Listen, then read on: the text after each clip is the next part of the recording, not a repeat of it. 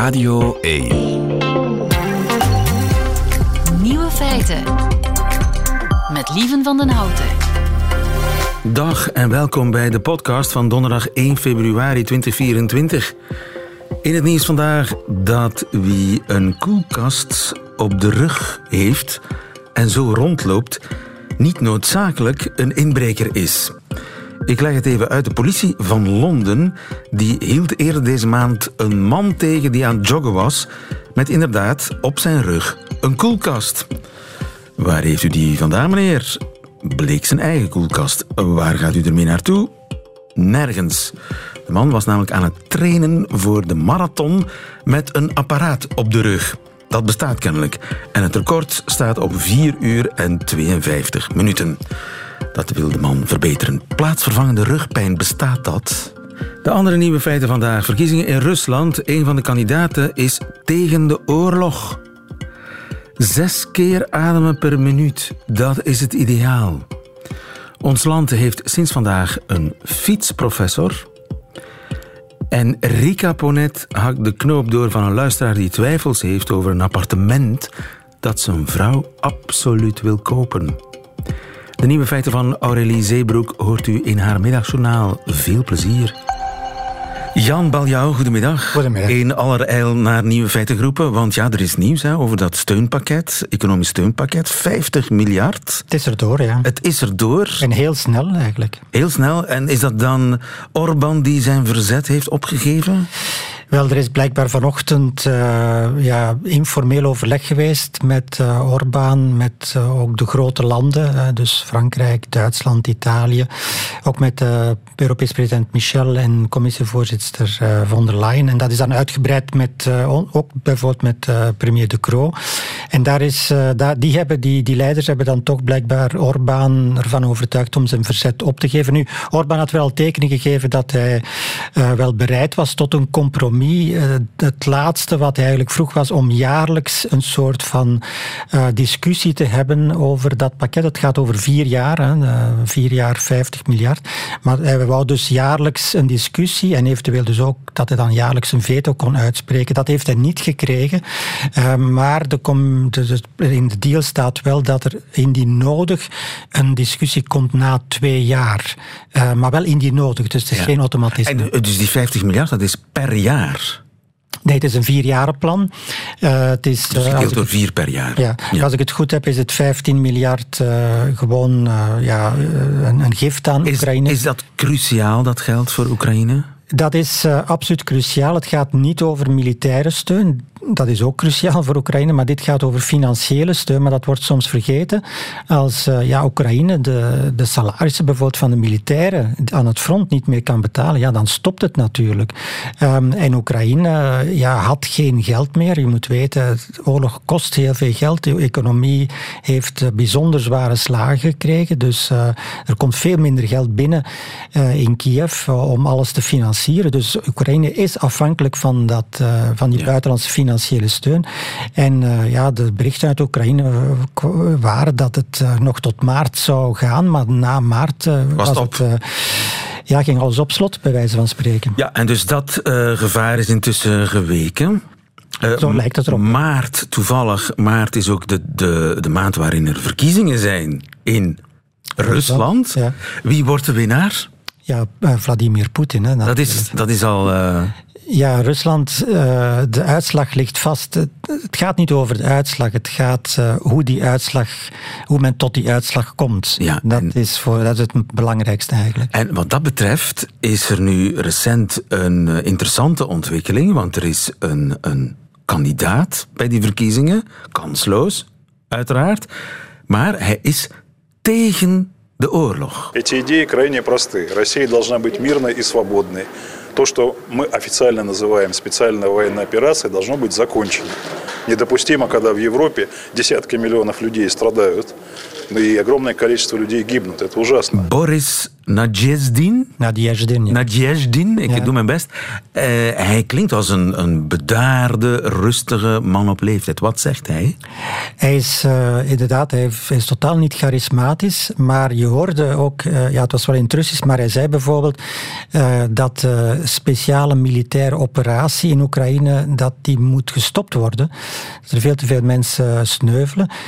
Dus hij, is, hij spreekt zich uit tegen die operatie. Je, je merkt wel, hij gebruikt het woord speciale militaire operatie, niet oorlog. Want oorlog, het woordje oorlog is verboden in Rusland. Dus hij, hij is heel voorzichtig. Hij kleurt nog binnen de lijntjes, maar toch, het lijkt mij genoeg om ja, niet al te dicht bij balkons en openstaande ramen te, te lopen. Ja, daar heeft hij ook al laconiek op gezegd van ja, ik ben eh, ouder dan 60, dus het beste van mijn leven is voorbij. Dus als er mij iets overkomt, eh, maakt het me niet veel uit. Maar hij is inderdaad, eh, hij is kritisch over die, hij is kritisch voor Poetin, eh, voor die eh, operatie in Oekraïne. Ja, en dat maakt hem een beetje tot de hoop van de oppositie. Het zit ook in zijn naam, hè. Nadezhda in het Russisch is hoop, Nadjezdin. Ehm, en de oppositie heeft eigenlijk eh, ja, op dit moment opgeroepen om toch maar massaal op hem te stemmen. Ja. Je zag het al bij het inzamelen van handtekeningen, want Dat, iedere, dat, dat moet je doen. ja, iedere kandidaat die, die toegelaten wordt, moet dan ook nog handtekeningen eh, in, in Maar hij is eigenlijk al toegelaten. Dat is toch Nee, merkwaardig? het is, Nee. eh, er is een eerste toelating, daar is hij door, maar nu komt er een tweede Maar dat vind toelating. ik al merkwaardig, dat hij daar doorgeraakt is, die eerste toelating. Inderdaad, ja, er is een andere kandidaat die tegen de oorlog was. eh, ehm, Is dat dan die is niet toegelaten. een, een accident de parcours dat hij toegelaten is? Wel, ja, het, het, zou, het probleem is natuurlijk dat het, moeten, het zijn schijnverkiezingen, maar het moet toch wel een beetje het idee van verkiezingen hebben. Dus als Poetin alleen maar kandidaat is natuurlijk, ja, dan kun je moeilijk spreken Dat kun je niet verkopen als democratie, maar Nee. er moet dus eigenlijk een soort van schijnopposant te zijn. En ze dachten dat hij een schijnopposant zou zijn. Wel, dat is de vraag. Is het een project van het Kremlin eh, om, om een beetje de stoom van de ketel te laten? Om eh, ook Ze die, laten hem de vrije teugel om... Voilà, zoals dat in vorige verkiezingen eh, vermoedelijk ook gebeurd is. In 2018 was dat Xenia Sobchak, eh, de dochter van de burgemeester van, oude burgemeester van, van, eh, van Sint-Petersburg, waar trouwens Poetin zijn carrière begonnen is. Hè. Xenia Sobchak kent heel goed Poetin. Ehm, ze heeft bij wijze van spreken bij hem nog op de schoot gezeten. Maar toen was hij ook zeer kritisch voor Poetin. Maar er, werd, er was ook een beetje het vermoeden van... Dit is eigenlijk, het is eigenlijk, ja, het is eigenlijk een project van het Kremlin om die liberale stemmen, ja, om die te kanaliseren, laat, laat ons zeggen. Ja, maar die man moet nu handtekeningen eh, verzamelen, of heeft ze verzameld. Hoe- En, en het waren er meer dan 100.000 hè, die hij verzameld heeft. Dat is de vereiste, meer dan 100.000, maar ook eh, je mag maar 2500 handtekeningen in iedere regio van Rusland eh, verzamelen. Dus het moet over heel Rusland eh, verzameld worden. Heeft ze nu. De vraag is natuurlijk, ja, nu moet de verkiezingscommissie, die het, eh, in handen is van, van Poetin getrouwen, die moet hij nu gaan beoordelen en die kunnen hem nog altijd stoppen. Kunnen zeggen van ja, maar van die 100.000 handtekeningen zijn er maar 40.000 geldig bijvoorbeeld. En mochten ze dat doen, Dan stopt het. dan stopt het. Maar dan betekent ook dat ze echt bang zijn van hem. Ja, dus dat is natuurlijk nu de vraag. Het feit dat eh, er rijen stonden om, om, te, om die Het is winter, hè? In, in Siberië. ja, en, en bijvoorbeeld Yakutje was bij min 40, stonden mensen Ga toch maar in nog, de rij staan. toch nog, kwamen toch nog naar buiten. Dus dat heeft een teken gegeven dat ja, de oppositie, eh, die tot nu toe ja, geen kansen krijgt in Rusland om zijn stem eh, te laten horen, dat die dit toch ja, gezien heeft als een kans om eh, een soort van daad van, van oppositie te voeren. En dat is misschien een misrekening al geweest van het Kremlin. dat eh, die, die steun voor Nadezhdin veel zichtbaarder was dan men, tot, dan men had gedacht. Nu, er zijn ook heel veel twijfels over Nadezhdin, omdat hij bijvoorbeeld... eh, ja, is adviseur geweest van Sergei Kirienko. En Kirienko is de nummer twee in de presidentiële eh, administratie van, van Poetin. En die moeten er precies voor zorgen dat die verkiezingen het gewenste resultaat opleveren voor Poetin. Dus je zou kunnen denken van... Het is Ja, een handpop. Het is allemaal theater. Ook dat Voilà. is theater. ja, dus... eh, Om, om Misschien eh, heeft- als soort uitlaatklep voor de oorlogsmoeheid die er dan toch kennelijk stilaan is. Er is natuurlijk Rusland. er is grote ongerustheid in Rusland over die oorlog in Oekraïne. Poetin, de steun voor Poetin is, staat zeer hoog. Maar dat komt ook voor een deel omdat de Russen ja, op dit moment een beetje angst hebben voor het zwarte gat, mocht Poetin verdwijnen. Er is geen alternatief. Maar dat betekent niet dat er ja, steun is voor de oorlog nog tien jaar. Nee, want als je dan merkt in peilingen, eh, eh, als je, als je dan vraagt, dan willen, willen jullie eh, onderhandelingen, willen jullie vrede, dan, dan zeggen de meerderheid van de Russen dat ze dat willen. Dus er is wel ongerustheid, maar ze, willen, ja, ze hebben ook angst eigenlijk dat Poetin zou verdwijnen. Dus het is een beetje een dubbel beeld in Rusland. En de meeste mensen op dit moment, ja, die, die draaien hun hoofd weg van, van het probleem Oekraïne, om gewoon verder te kunnen met, met hun leven. Als je voortdurend als je kritiek echt openlijk kritisch bent uh, over de oorlog, ja, dan is het moeilijk om in Rusland te blijven leven. Maar onderhuid zijn de mensen stil aan oorlogsmoe en die lange rijen in de sneeuw bij min 40 graden om die oppositiekandidaat te steunen, die misschien nu kansloos is, maar wie weet ooit niet langer en wie weet wordt hij ooit de, de nieuwe grote leider van... Uh Nee, dat is absoluut onmogelijk. Uh, maar wat wel kan gebeuren, en dat hebben we ook gezien in Wit-Rusland, uh, in de verkiezingen in 2020, uh, eh, dat een systeem zoals Poetin in elkaar heeft gezet, zich soms inderdaad kan misrekenen. Ook Lukashenko dacht eigenlijk dat Svetlana Tiganovskaya geen, geen echte tegenkandidaat was, maar ze heeft wel iets in beweging gebracht. Voor je het weet heb je revolutie. Voilà, en dat is ook wat in een systeem als Rusland heel vlug kan gebeuren, dat ja, die, die volksonvrede wordt, uh, ja, de, de, druk wordt op de ketel gehouden. Maar ja, natuurlijk, als je die druk een beetje aflaat, kan dat ineens ontploffen. En kan de hele deksel van die ketel komen. En dat is de grote vrees ook van het Kremlin. Ja, je blijft het voor ons volgen. Waarvoor dank. Jan Baljouw, goedemiddag. Vraag het aan Rika.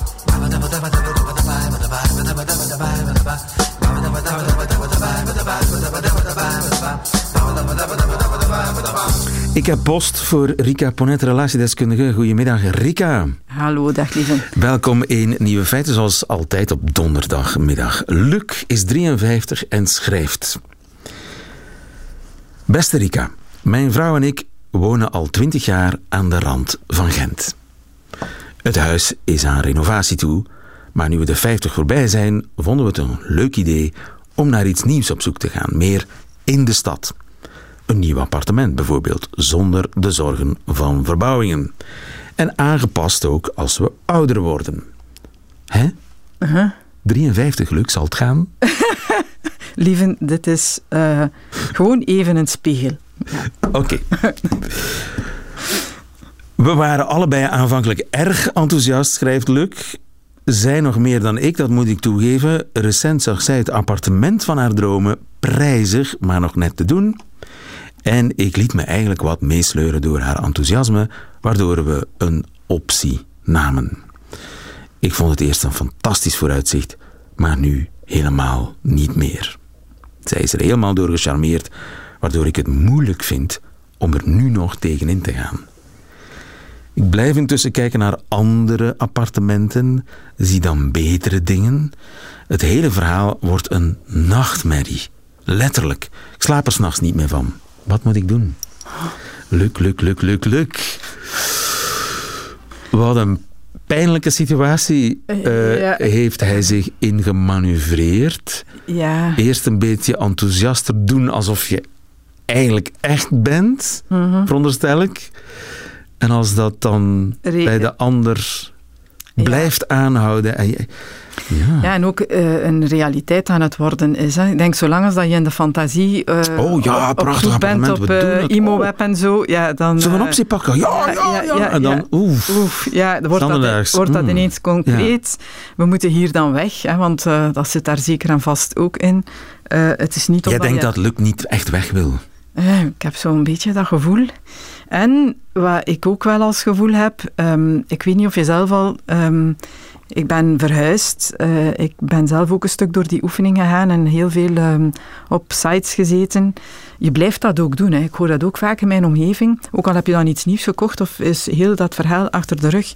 Je blijft toch ergens kijken, heb ik geen Heb ik wel de juiste beslissing genomen? Heb ik geen optie gemist? Ja, ja dat ja, is zoals mensen die op Tinder zitten, met iemand een relatie beginnen, maar toch die app openhouden. Hè. Ja, ja, je weet, weet maar nooit. Ja. Om de hoek uh, staat er iemand beter.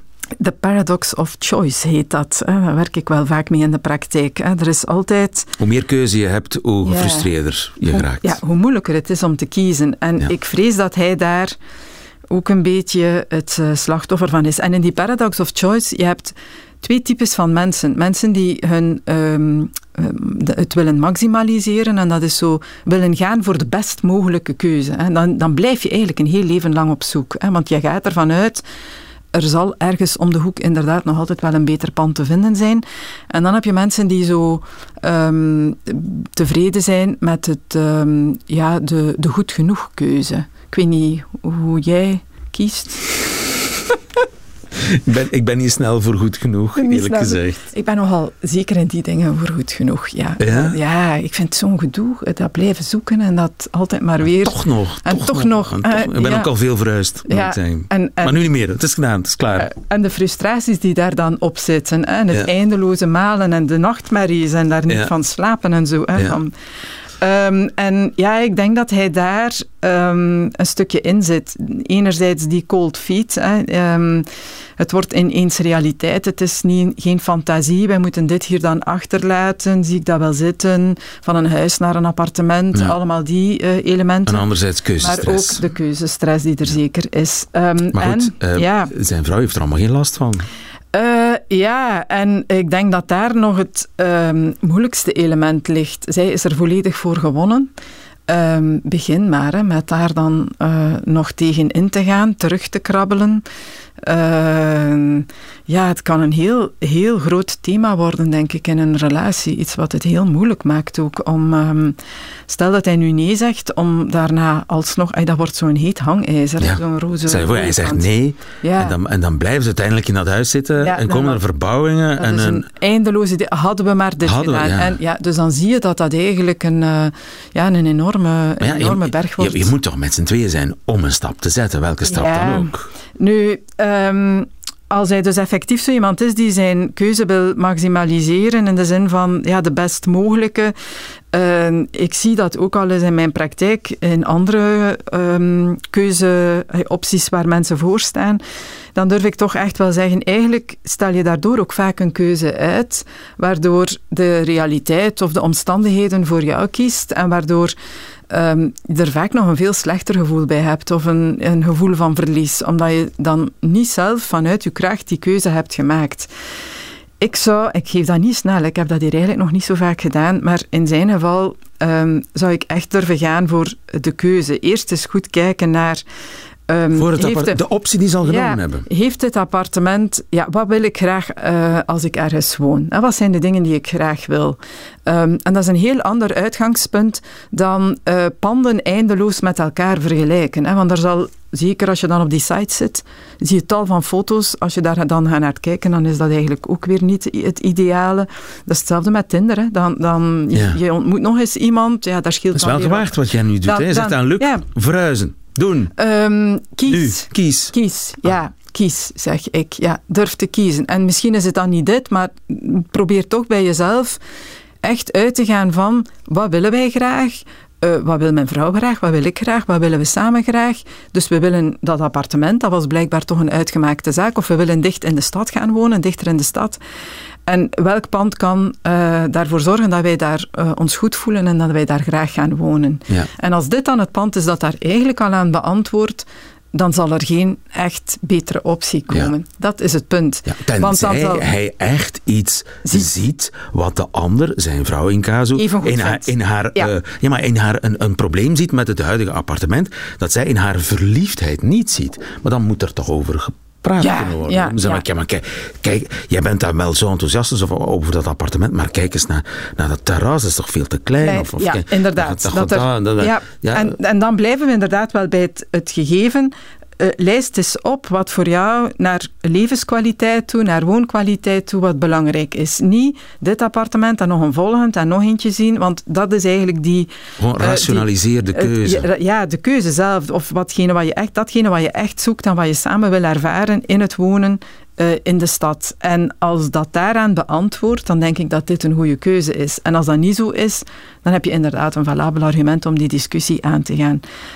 Um, maar het niet doen, ja, of het, het, wel doen. Ja, ik denk dat hij zijn vrouw gaat gelukkig maken. Dat vind ik toch ook wel een. Um, ja. Um, ja. En je geraakt bovendien uit een spanningsveld waar hij nu duidelijk in zit. Um, het ja, is ook niet dat is. Ja, een verhuis naar Timbuktu op de agenda staat. Hè, lieve. Het is maar het is van, een wow, is het van Zwijnaarden naar Gent, naar waarschijnlijk, of ja. zoiets. Ja, ik het wil is... het niet minimaliseren. Ja. Ik, uh, ik denk dat er uh, in zijn weerstand veel dingen zitten die losstaan van de optie die ze genomen hebben. Aha. En dat dat eigenlijk hetgene is waar hij vandaag best mee aan de slag gaat. Hou ons op de hoogte, Luc. Dankjewel voor je vraag. En als er nog mensen zijn met vragen voor Rika, ze zijn welkom op nieuwefeiten.radio1.be. Tot volgende week. Graag. Nieuwe feiten. Radio 1. Ik wist het niet, maar wij hebben een fietsprofessor. Meredith Glazer heet ze. Goedemiddag, Meredith. Goedemiddag. Jij bent uh, professor duurzame mobiliteit aan de Universiteit van Gent geworden. Zeg maar uh, de fietsprofessor. En vandaag is het je eerste dag. Is het een spannende dag, Meredith? Ja, zeker. Um, het lanceren van, uh, van de eerste leerstoffiets in België is, uh, is eigenlijk ongelooflijk en zegt veel over de ambities van uh, de overheid. Ja, en je bent Amerikaanse. Amerika is niet bepaald een fietsland, toch? ja, toch, ja. ja. Interessant, hè? Een Amerikaanse verhuis naar Nederland en wordt professor van cy cycling of fietsen in België. Um, maar eigenlijk ben ik, ben ik uh, opgegroeid in een typisch suburbia van Californië. Mijn ouders brachten mij overal met de auto. Um, als tiener was dat gewoon verschrikkelijk. Ik wilde vrijheid en die enige ding dat mij meer vrijheid kon geven was een rijbewijs. Maar ik hou niet zo van auto's. Ik hou niet van autorijden. Ik vind het heel stressvol. Um, toen ik naar universiteit zocht, um, past UC Davis perfect, omdat het de fietshoofdstad van Californië is. Dus die ervaring heeft mij beïnvloed. Um, maar voor mijn master heb ik volksgezondheid en stadsplanoloog gestudeerd. Uh, en fietsen is de perfect, perfecte combinatie van deze discipline. Oké, okay, en wat is ook alweer de fietshoofdstad van Californië? Uh, Davis. Davis? Ja, okay. vlakbij Sacramento. Dat is dan een fietseilandje in uh, ja. het autoland Amerika. En ja. Je bent nu in, uh, je bent in Gent, je bent in België. ja.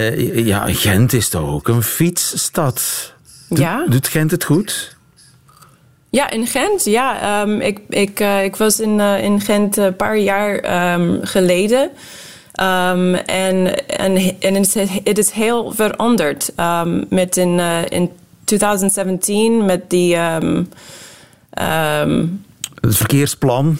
Ja, de verkeersplan. En dus uh, dat, is, uh, dat is een van de onderzoek die. die ik wil, ik, wil, uh, ik wil doen als fietsprofessor. Ja, maar België in het algemeen heb je al vaak door ons land gefietst. Doen we het goed? Kan er iets beter? Ja, altijd, altijd kan beter worden.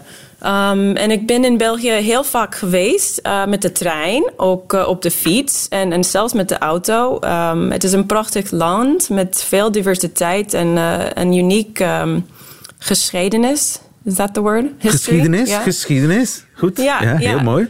En bij, mobil mo bij mobiliteit is het heel belangrijk om na te denken over verschillende coalities. Uh, met, uh, met citizens, met overheid, uh, maar ook met andere partijen.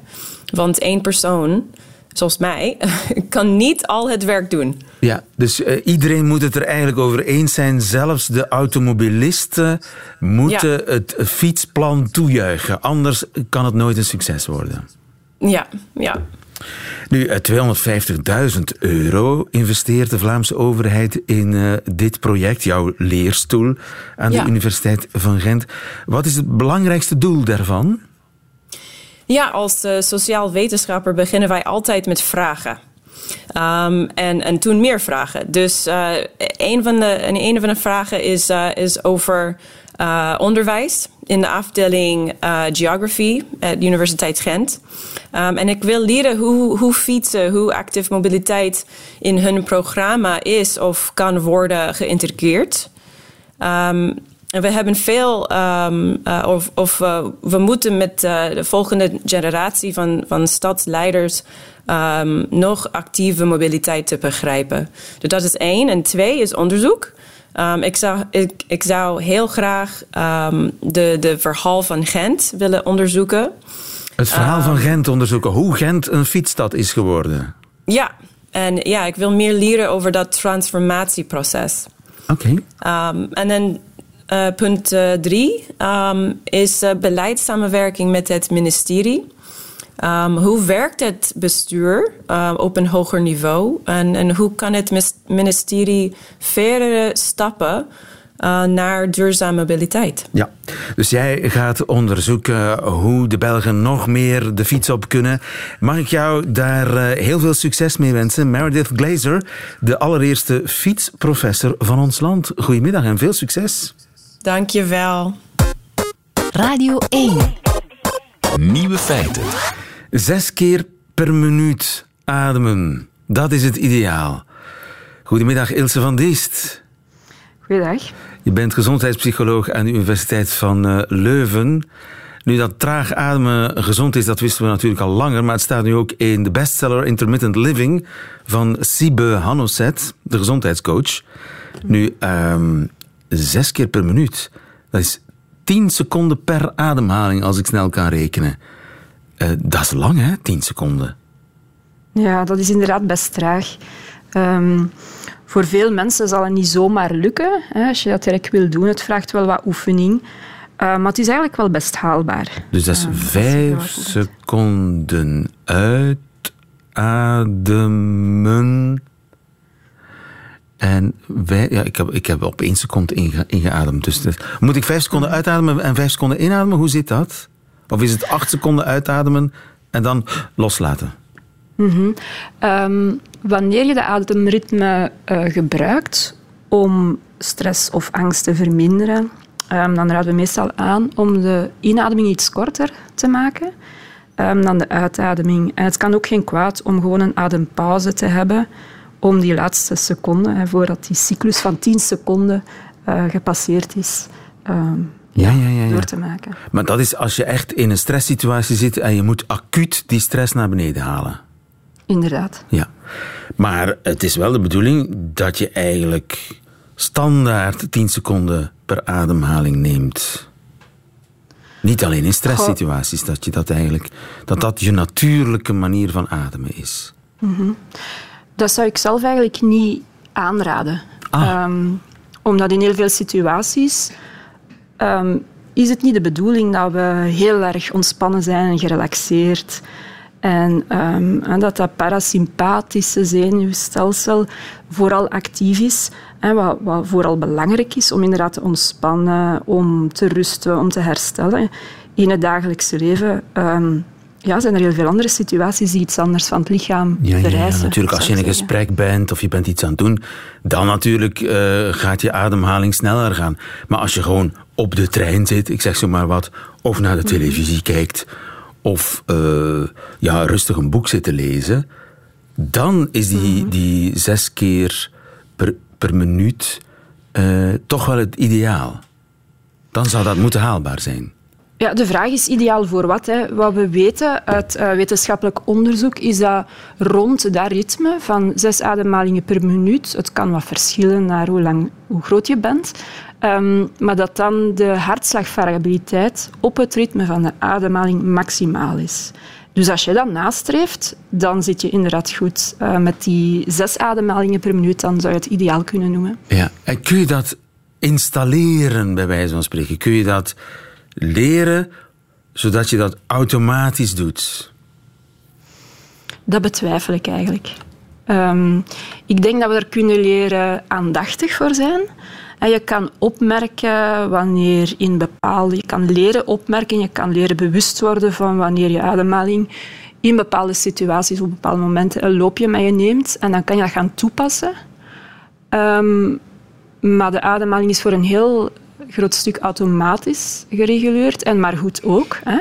Ehm, en dat werkt heel goed. Dus meestal adem je perfect zoals je lichaam op Ja, dat ja, ja. moment uh, ja, wat, wat je nodig hebt. Maar hè. de Dus truc is om, het is om zeker te beseffen, het is, de truc is om Ja. te beseffen wanneer je te vaak gaat ademen in bepaalde situaties, om dat dan naar beneden te gaan. Dat kun je wel leren.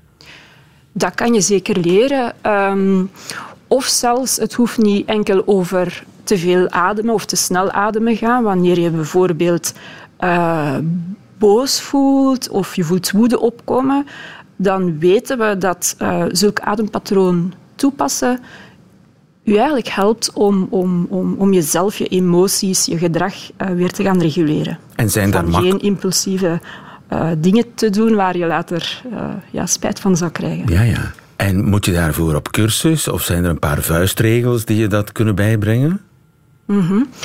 Ehm, er bestaan heel wat apps die u daarin begeleiden. Hè.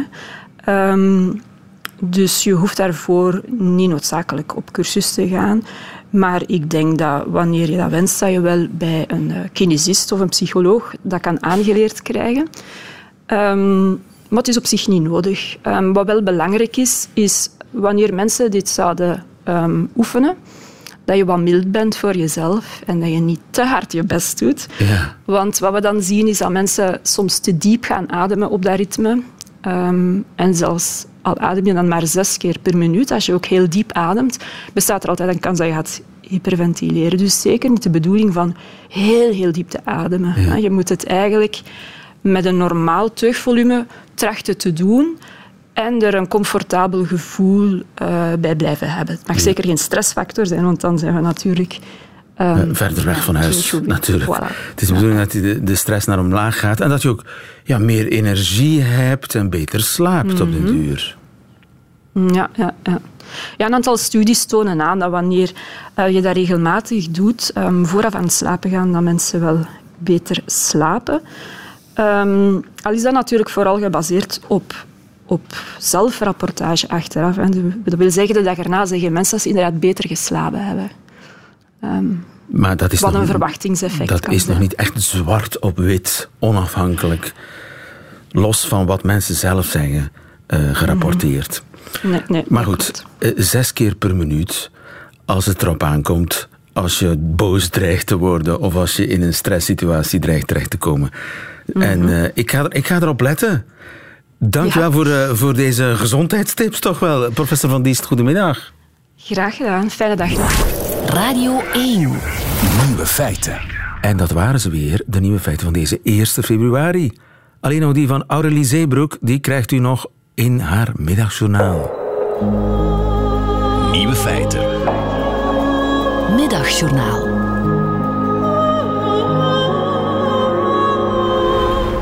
Beste luisteraar, deze keer vertel ik jullie over het verschil tussen een job en een carrière. Ik heb een collega die nooit glimlacht. Elke ochtend bij het binnenkomen, gelukkig niet echt elke ochtend, ik werk maar twee dagen per week, probeer ik haar op een subtiele wijze te overtuigen om haar mondhoeken naar omhoog te werpen. Maar hoe breder ik lach, des te griezelig haar aura lijkt te worden. En het enige wat ons verbindt is het feit dat we dezelfde job hebben. Bij een job zit je stiekem op het toilet te sms'en met je lief om je relatie tot stand te houden. Wanneer je een job hebt, neem je vijf scheppen instant koffie mee naar huis om je onkostenvergoeding te compenseren. Op het kabinet van minister van Onderwijs, de Griselda Blanco van de Lage Landen, liggen er tenminste 50 zakjes cocaïne. Daar zouden hier beter een voorbeeld aan nemen. Er zijn weinig dingen erger dan het gevoel hebben dat je te veel uren in een dag hebt terwijl je lijdt onder een koortsig slaapgebrek. Jobs kunnen je tot waanzin brengen. En daarom moeten we pesten op de werkvloer legaliseren en omarmen. Kinderen pesten elkaar om een machtsspel in gang te steken, maar volwassenen pesten hun collega's uit pure verveling en eenzaamheid. Gebrek aan teamspirit volgens Google. Bij een carrière is het anders. Liefst laat je ook aan iedereen weten dat je zelfstandig geworden bent. Door herhaaldelijk te blijven zeggen dat je dit jaar 10.000 euro hebt moeten afstaan aan de Belastingdienst. Mensen met een carrière hebben geen tijd voor lunchpauze en kopen altijd prullen voor de zaak. zoals auto's met een bumpersticker, op de kofferdeur of gepersonaliseerde balpennen die enkel gebruikt worden om op te knagen. Kortom, een carrière is het bindmiddel om jezelf wijs te maken dat je geen job hebt, maar een hogere missie. En dat is volgens de loopbaancoach erg goed.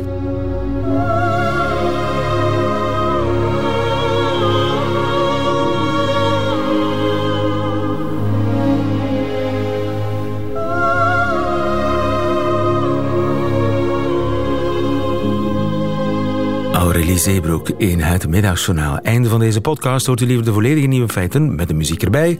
Dat kan natuurlijk elke werkdag live op Radio 1 tussen 12 en 1. Of wanneer u wil, uitgesteld via de app van VRT Max. Tot een volgende keer.